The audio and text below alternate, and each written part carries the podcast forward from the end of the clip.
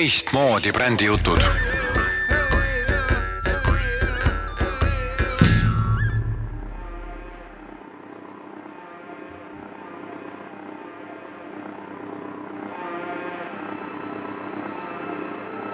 tere kuulama. põrguline alustab.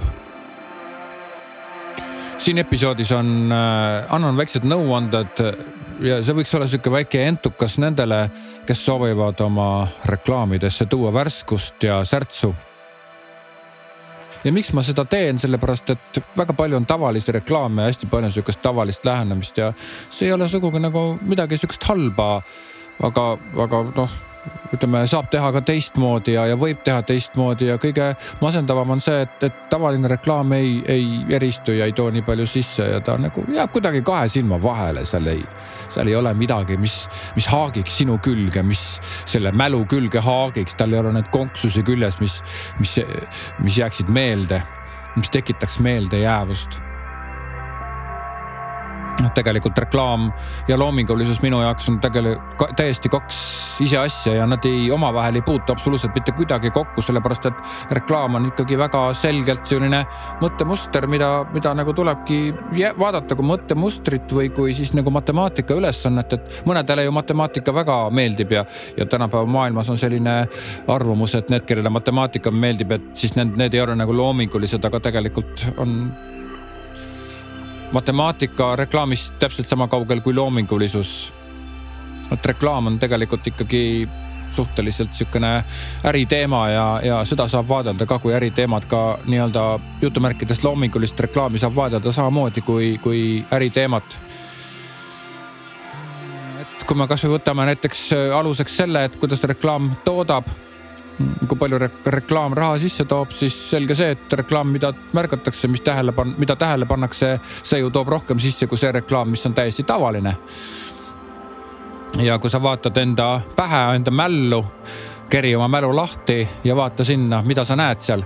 kui sulle, kui sa nüüd mõtled selle peale, et mõni reklaam, milline reklaam sulle meelde tuleb, siis pakun, et meelde tuleb ikkagi see reklaam, mis, mis millel oli, millel oli see konks oli küljes, mis tekitab seda meeldejäävust ja reklaame üldse on nagu lihtne vaadata ja, ja hinnata ja, ja isegi kritiseerida, eriti kui telekat vaatad, et pahatihti on nii, et inimesed ei, ei viitsi üldse vaadata reklaame ja pööravad neist ära, sest et hästi palju noh, tahetakse reklaamidega anda edasi sihukest nagu ülipositiivset ja ülimeeldivat ja üli sihukest tavalist lähenemist, mis, mis kohe kuidagi nagu ta muutub sihukesest nagu tapeediks või isegi vastumeelseks muutub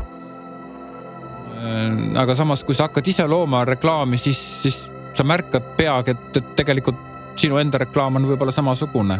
ja nii lihtne on luua sedasama reklaami, mis on nagu tapeet mis on sihuke tavaline ja seal ei ole ka midagi halba. sest et tavaline on, on midagi sellist, mis on meie kõigi alateadvuses olemas, sest inimene on sotsiaalne olend. ja, ja tahes-tahtmata on see, mida sa teed, ongi nii-öelda suhestub sotsiaalsus, sotsiaalsusega, ehk siis eh, kõik asjad, mida me teeme, peavad suhestuma mainstream'iga. mina ise oma elu alguses kahe, kahekümnendatel aastatel tegin väga palju sihukest, mis kuidagi üldse mainstream'iga ei suhestunud ja noh, kas see oli siis metallikunst või oli see siis muusika, siis noh, seda nimetatakse niši teemaks, aga, ja, ja ta ei olnud ka hea, sellepärast et ta ei, ta ei suhestu kuidagi, ta ei ole sotsiaalselt atraktiivne ja, ja ei saanud minu ehetest mitte keegi aru ja, ja krimpsutati nina ja ei ole ka minu muusikast noh, keegi kunagi vaimustuses olnud, sellepärast et see ei suhestu äh, nii-öelda mainstream ja see lähenemine on vale. et nüüd ma toon siis teise poole siia vastu, et siis äh,, kuidas siis teha sihukest reklaami et noh, kui ma olen siis nagu kahekümne aasta jooksul nagu õppinud reklaami tegema, et noh, siis see ongi, sa paned oma pea alla ja püüad teha võimalikult niimoodi, kuidas siis teised teevad, ehk siis kuidas tehakse. et see ei ole minu loomuses, aga ma olen seda õppinud. aga see on ka üks põhjus, et miks ma siin praegult räägin, et ma näen seda protsessi kaugelt ja selgelt ja ma saan nagu võib-olla olla kellegile inspiratsiooniks kellelegi, et, et anda nagu mõtteainet või anda neid nippe, mida ma ise olen kasutanud ja, ja mida siis saab kasutada, et kuidas teha siis sellist reklaami, mis oleks äge, mis oleks loominguline, mis oleks lahe, aga mis ei oleks ka nagu täitsa nagu mingi noh nii-öelda täiesti nagu võõrkeha, aga, aga mis nagu suhestuks mainstream'iga, aga oleks siis selle mainstream'i suhtes nagu äge. ja tavaline ongi siis see, kus inimene ei pinguta üldse ta teeb oma hirmudele ja oma nii-öelda hirmust eristuda sotsiaalsusest. ta teebki täiesti tavalist reklaami ja, ja paiskab seda välja. vahet pole siis, kas sa oled loomeinimene või oled sa siis see klient, kes tellib ja, ja kes ei luba läbi midagi sihukest, mis on, mis on nagu teistmoodi või liialt palju eristub mainstream'ist, siis see ei ole tegelikult midagi halba, see on täiesti arusaadav, sellepärast et hirm on inimese loomuse osa ja sotsiaalsus äh, on väga paljuski üles ehitatud hirmule. et kui sa ei sarnane, siis sa oled asotsiaalne, kui sa sarnaned, siis sa oled osake meist, sa oled nii nagu meie, ehk siis ja kui, kui võtta siis, milline sarnane ta tuleb, et siis peab sarnanema alati mainstream'ile ehk siis kõige levinud reklaamile aga tegelikult sellel on ka nipp olemas, et kuidas sa saad teha sihukest reklaami, mis oleks nagu mm, ütleme, mis ei oleks nagu täiesti võõrkeha, aga, aga mis oleks siis ikkagi huvitav nendes raamides, mis oleks ka sotsiaalselt huvitav. ja see mõte on selles, et kavalda siis see tavaline üle, see tavaline on see paha tegelane. me, me ütleme, määrame talle nime, anname talle nimeks tavaline ja see tavaline ongi see, mis mitte kuidagi ei eristu, mis meelde ei jää ja nüüd siis tema on nagu sihuke omamoodi nagu väike saatan või sihuke väike sihuke põrgutegelane, kes tahab, tahab kõiki asju teha hästi tavaliseks, ühesuguseks, masinlikuks on ju. on see tegelikult sa pead kavaldama selle väikese saatana üle ja seda on võimalik täiesti teha ja lihtsate, toredate, naljakate ja valatute vahenditega, ehk siis sa pead mängima reklaamiga ja pead mängima kõikide elementidega, mis reklaamis on ja loominguliselt mängima. Ja seda nimetatakse loominguks, kuigi see minu jaoks ei ole looming, sest need nipid, mis ma siin jagan, on siuksed lihtsad ja ratsionaalsed nipid, et siin sügava loomingulisusega ei ole mitte midagi pistmist, et noh, öeldakse, et kes võtab kõrgemalt riiulit, siis ütleme, kui reklaami üldse sügavust vaadata, kui sügavale üldse reklaam loomingulises mõttes saab minna, siis see, ma arvan, see vahemik on mingi pluss üks ja miinus üks, et kui me vaatame nüüd päris kunstnikke ja päris loomingut neist, siis noh, seal minnakse ikkagi miinus viiskümmend ja pluss viiskümmend, et noh, et see, see skaala on palju suurem, et siis noh, see reklaam saab suhteliselt vähe minna, sest noh, sest reklaam ei peagi olema üüber sihuke loominguline, ta peabki edasi andma mõtet. kui ta seda mõtet annab niimoodi edasi, et see isegi meelde ei jää, et siis sa oled nagu niivõrd hirmu täis ja niivõrd nagu püüad niivõrd tavaliselt kõik teha, siis jah, sa teed endale kahju sellega mul on siin nagu kuus punkti, kuidas, mida, mida nagu võiks teha, et, et seda tavalist üle kavaldada. kõigepealt punkt number üks. pahupidi. Jah, ma ütlen sulle nimed, eks ole, esimene, esimene nimi on pahupidi. kuidas see käib? väga lihtsalt, kõigepealt algad sellest pihta, et sa lood ühe reklaami, kas see on siis mõni tekstireklaam, ajalehereklaam on see telereklaam, on see raadioreklaam, ükstapuha, mis asi. sa lood kõigepealt reklaami ja nüüd sa keerad selle reklaami pahupidi. nüüd tavaliselt on niimoodi, et kui inimene arvab, et ta teeb ägeda ja hea reklaami, siis inimene, kes ei ole väga palju reklaami teinud või siis tal on probleem sellega, et reklaamid ei torka silma, siis need reklaamid ongi tavalised. ja see on nagu ju, nagu sa aru saad, ongi tavaline, saatan on juba sees selles reklaamis ja tavaline, eks ole. et siis kõigepealt loo üks, lihtsalt üks reklaam, ära mõtle, kas see on hea, kas see on halb, mida sa pead ütlema, loo see reklaam sinna valmis. ja nüüd keera see pahupidi. kuidas see käib? Noh, kui perekond istub laua taga ja sööb hommikust, mis on väga-väga levinud selline toiduaine reklaam millegipärast, et perekond istub köögis laua taga ja sööb hommikust, siis arvatakse, et noh, et kui me võtame perekonna ja paneme ta laua taha hommikust sööma, et siis sellega me anname edasi nii perekonda, nii hommikut kui ka kööki, kui ka sihukest nii-öelda ideaalelu, siis noh, tegelikult see on, see on, see on tegelikult jama, see on täielik jama.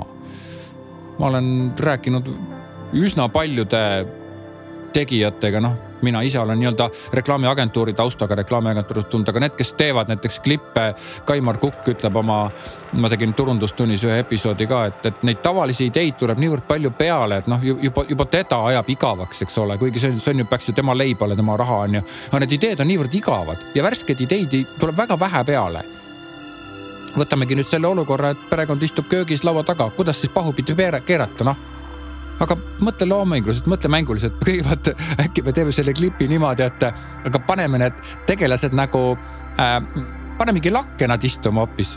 ja ka nagu kõik on nagu tavaliselt ja, ja see kraanikauss on all, eks ole, pliit on all, kõik, kuidas sa seda kööki ette kujutad, on ju, koer ja kass on ka istuvad all, vaatavad üles ja perekond istub laes tagurpidi, no see on kõige lihtsam meetod. nüüd teine meetod võib-olla, kuidas siis, kuidas siis võiks äh, perekond, kes sööb hommikust, kuidas see tagurpidi võiks olla? see võiks olla näiteks kuidagi nii, et mitte perekond, mis see tähendab, lihtsalt mingid inimesed söövad hommikust. kus kohas on lihtsalt inimesed, kes söövad hommikut, näiteks laevas. inimesed, kes satuvad kokku või hotellis sööd hommik, hommikust. näete, aga vaadake, kui ma juba siin nagu paar paar varianti nagu käisin välja juba, kui palju huvitavaid mõtteid tuli selle asemel, et näidata seda hirm tavalist saatanlikku olukorda äratundmatuseni, äravahetamiseni sarnast olukorda. jälle perekond istub köögis, jälle sööb hommikut, jälle isa ütleb, ulata mulle leiba, ema ütleb, millist leiba ja nii edasi. Te teate seda peast kõiki neid olukordi. nii et pahupidi keera, keera pahupidi, aga selle eelduseks on see, et sa pead reklaami kõigepealt valmis tegema. vaatame teist punkti. üle võlli eelmine oli pahupidi, järgmine nipp on siis üle võlli. kuidas teha üle võlli reklaami?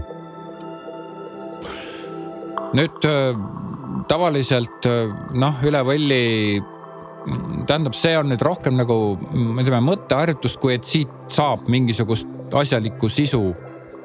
sellepärast, et mis meid tagasi hoiab, ikka seesama saatanlik tavaline, see hoiab meid tagasi, see hoiab meid tagasi mõtlemast. ja, ja tegelikult ei olegi probleem selles, et me ei oskaks mõelda, aga, aga probleem on selles, et me oleme oma nii-öelda trafareti kü kü küüsis. ja, ja selle jaoks, et iseennast panna paremini mõtlema, ägedamalt mõtlema, huvitavalt mõtlema, siis sa pead oma ajule andma ülesande. ja kui sa annad oma ajule ülesande, et tee lihtsalt reklaam või näiteks tee hea reklaam, siis aju noh, väga kiiresti kohe võtab omale selle tavalise väikse saatana, võtab käevangu ja teebki tavalise reklaami, nii sünnivadki tavalised reklaamid, sihuke turvaline, tavaline, mis ei jää meelde. aga nüüd, kui sa annad oma ajule ülesande, et tee üle võlli reklaam. nüüd aju kõigepealt peab üle, üles ärkama, oot-oot-oot, üle võlli, noh, kuidas see, mis see tähendaks üle võlli? järelikult sa juba nagu, sa juba pead hakkama midagi muud mõtlema ja, ja see on tegelikult ajule väga hea ülesanne. aga kuidas on üle võlli reklaam? et kui kõik tahavad teha tavalist reklaami või head reklaami, siis nüüd sa ei tee head reklaami, sa teed üle võlli. ja üle võlli ei tähenda üldse seda, et see reklaam peaks hea olema, sest et hea reklaam juba oli ära, see oli see tavaline. aga üle võlli ta võib ükstapuha, kuidas üle võlli teha, ükstapuha, mismoodi. perekond saab hommikut, noh, mis, mis meil oli, võireklaam näiteks, perekond saab hommikut, kuidas see üle võlli on siis laud hakkab lainetama järsku, köögilaud, laud hakkab lainetama siis see nagu lainetab ja, ja, ja siis korraga nagu see perekond muutub nagu mingisugusteks väikesteks sihukesteks pekikuubikuteks, mis on panni peal. ja siis korraga nagu nad lähevad õhku, aga silmad on neil peas ikka. Nad lendavad õhku ja siis me näeme, kaamera sõidab tagasi, me näeme, et nagu üks sihuke suur kokk, üle elu suur on hoopis viskab neid nagu peku, pekikuubikuid nagu õhku. koos rasva, koos kõigega kukuvad tagasi ja plärtsatavad nagu katki pekikuubikud. ja siis juhtub ime, eks ole. Nad nii-öelda lahustuvad kõiksuses ja saavad, neist, neist saavad mingisugused muud keemiliste ühendite, teiste keemiliste ühendite sees olevad ained ja korraga nagu saavad nad rohuks. mida üks lehma keel lehma keel tõmbab endale suhu ja hammustab. Nad käivad läbi looma sisikonna, lehma sisikonna ja, ja osad, osad need kemikaalid siis satuvad läbi udarate piima sisse. no ühesõnaga, te saate aru, et, et siin võib mõelda absoluutselt kõike, aga võite mõelda ka niimoodi, et perekond istub laua taga, kui see just peab olema perekond ja, ja siis hmm, isa vaatab kella, ütleb kolm, kaks, üks ja läks. ja siis selgub, et on, on juba aasta kaks tuhat kaheksasada kolmkümmend neli ja, ja on juba siuksed iseliikuvad majad, et mitte ainult ei, ei sõida mööda ratastega mööda maad, vaid, vaid lendavad ringi ja nii edasi, ühesõnaga või, või siis sa paned näiteks ütleme, võtad, võtad hoopis siukse perekonna jälle paned istuma ja, ja siis kass, kes on ninja, tuleb sisse ja kuna ta tahab seda võid saada, siis ta põhimõtteliselt võtab automaadi ja ähvardab kõiki ja kogu perekonna teeb pantvangi draama ja siis põhimõtteliselt ta haarab selle või ja külmkapist veel seda võid, mis nii palju, kui seda on. näiteks kui see on võireklaam ja niimoodi saab mõtelda üle võlli. kindlasti sina, kui sa seda praegu kuulad, siis sul tulevad teised mõtted. kuidas on üle võlli reklaam, et ilmselt sa oled tegelenud reklaamidega ja, ja nüüd sa pead oma aju panema ja see on selge, et me ühtegi seda ideed ei, ei noh, saa päriselt realiseerida, aga me vabastame ennast sellega täiesti igasugusest kohustusest olla tavaline. ja seda annabki siis see üle võlli lähenemine järgmine idee on siis see, et kui eelmine oli üle võlli, siis mõtle välja kõige igavam reklaam maailmas, see on siis kolmas punkt. mõtle välja kõige igavam reklaam maailmas jällegi sa sellega trikitad oma aju, kuidas siis, kuidas siis on kõige igavam reklaam. tavaliselt on nii, et kui inimesel lasta välja mõtelda hea reklaam, siis ta mõtlebki välja igava reklaami ja kui inimesel lasta välja mõelda, et kuule, milline oleks kõige igavam reklaam maailmas, siis ta mõtleb vastupidi ühe naljaka ja huvitava reklaami välja. et noh, et milline oleks või reklaam näiteks maailma kõige igavam kõik nagu haigutavad kogu aeg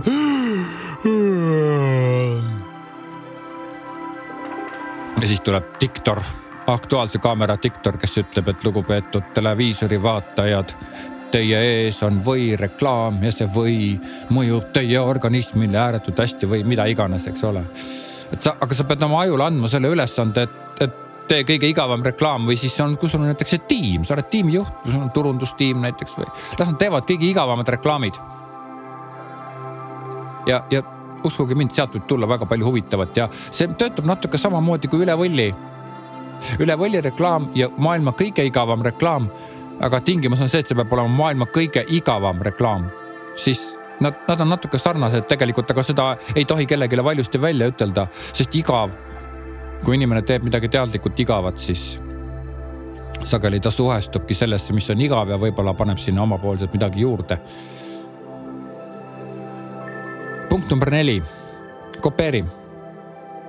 ja see on väga raske, sest et üldine hoiak on ju see, et reklaamiinimesed kõik teevad midagi maha ja varastavad ideid.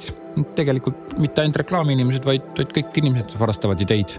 ja tegelikult see mainstream ongi kõik üks ideede laenamine ja kõik teevad seesama perekond hommikusöök laua ümber. ma ütlen, et see idee on varastatud, sellepärast et vaadake, kui palju reklaame on selliseid, kus perekond istub laua taga ja sööb hommikust.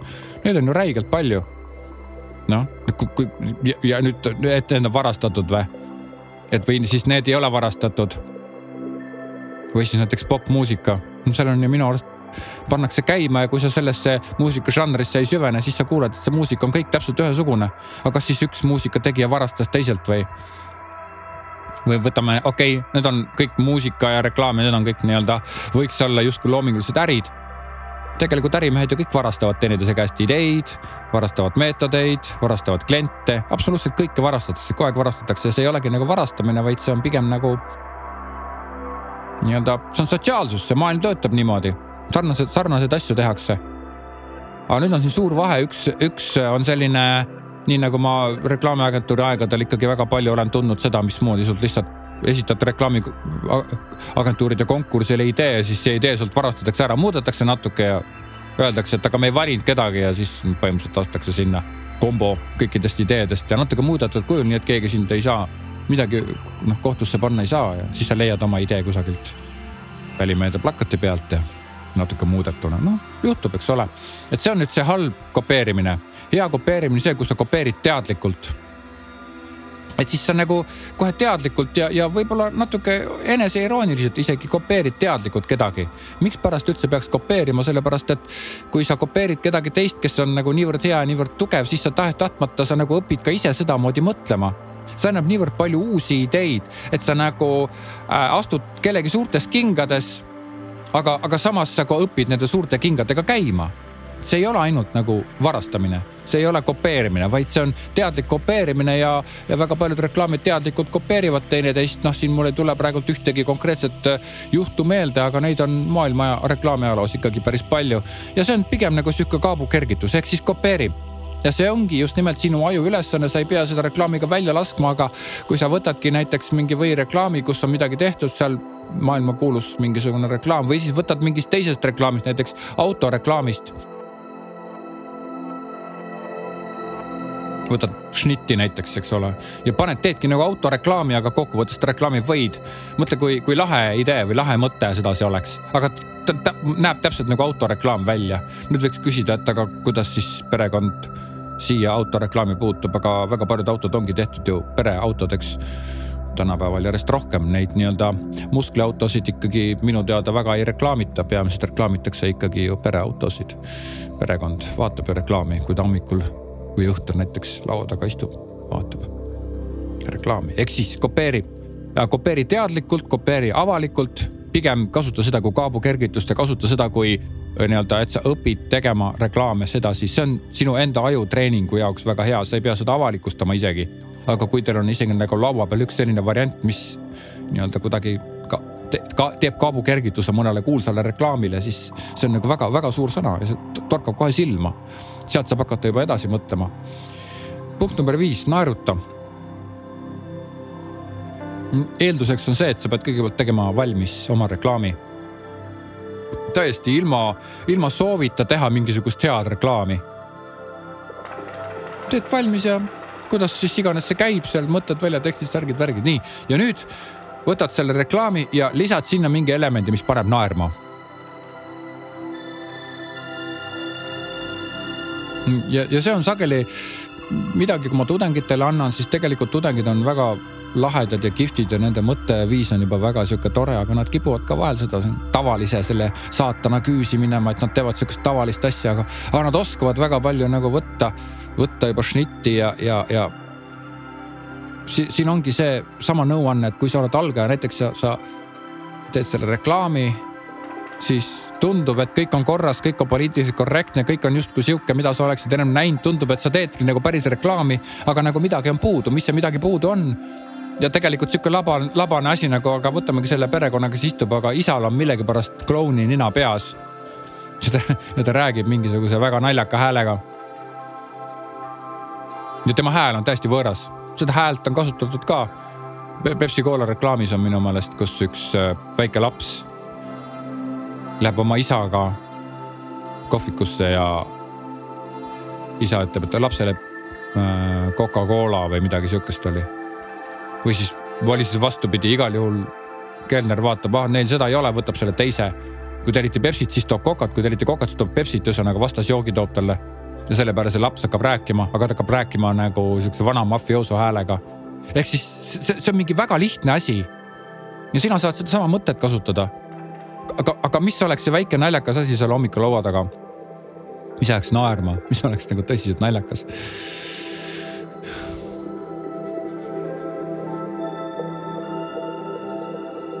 kindlasti sa midagi leiad sellepärast, et see ei pea olema mingi sügav huumor, see ei pea olema midagi sellist, mis on nagu sajandi nali, aga see on mingi väike naljakas seik. ja number kuus nõuanne. ja number kuus nõuanne on number kaheksa.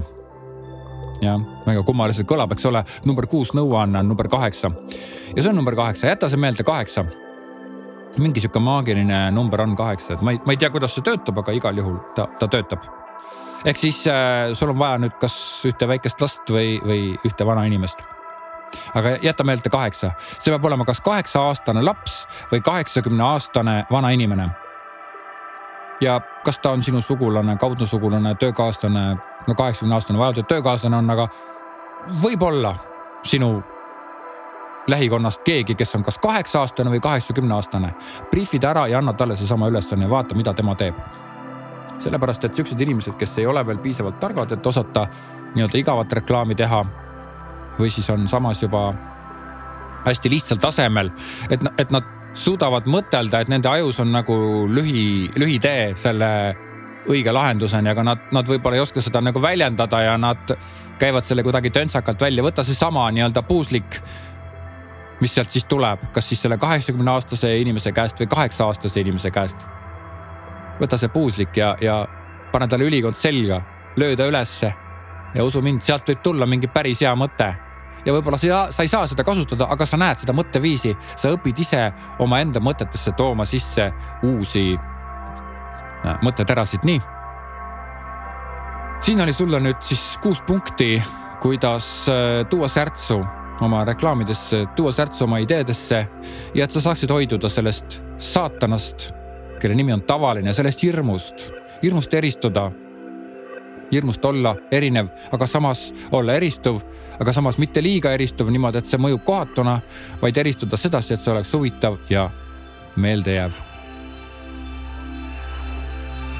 aga olge terved ja olge loomingulised ja mõtelge alati värskeid nippe välja ja pidage meeles, et teie aju on imeline, teie aju on fantastiline.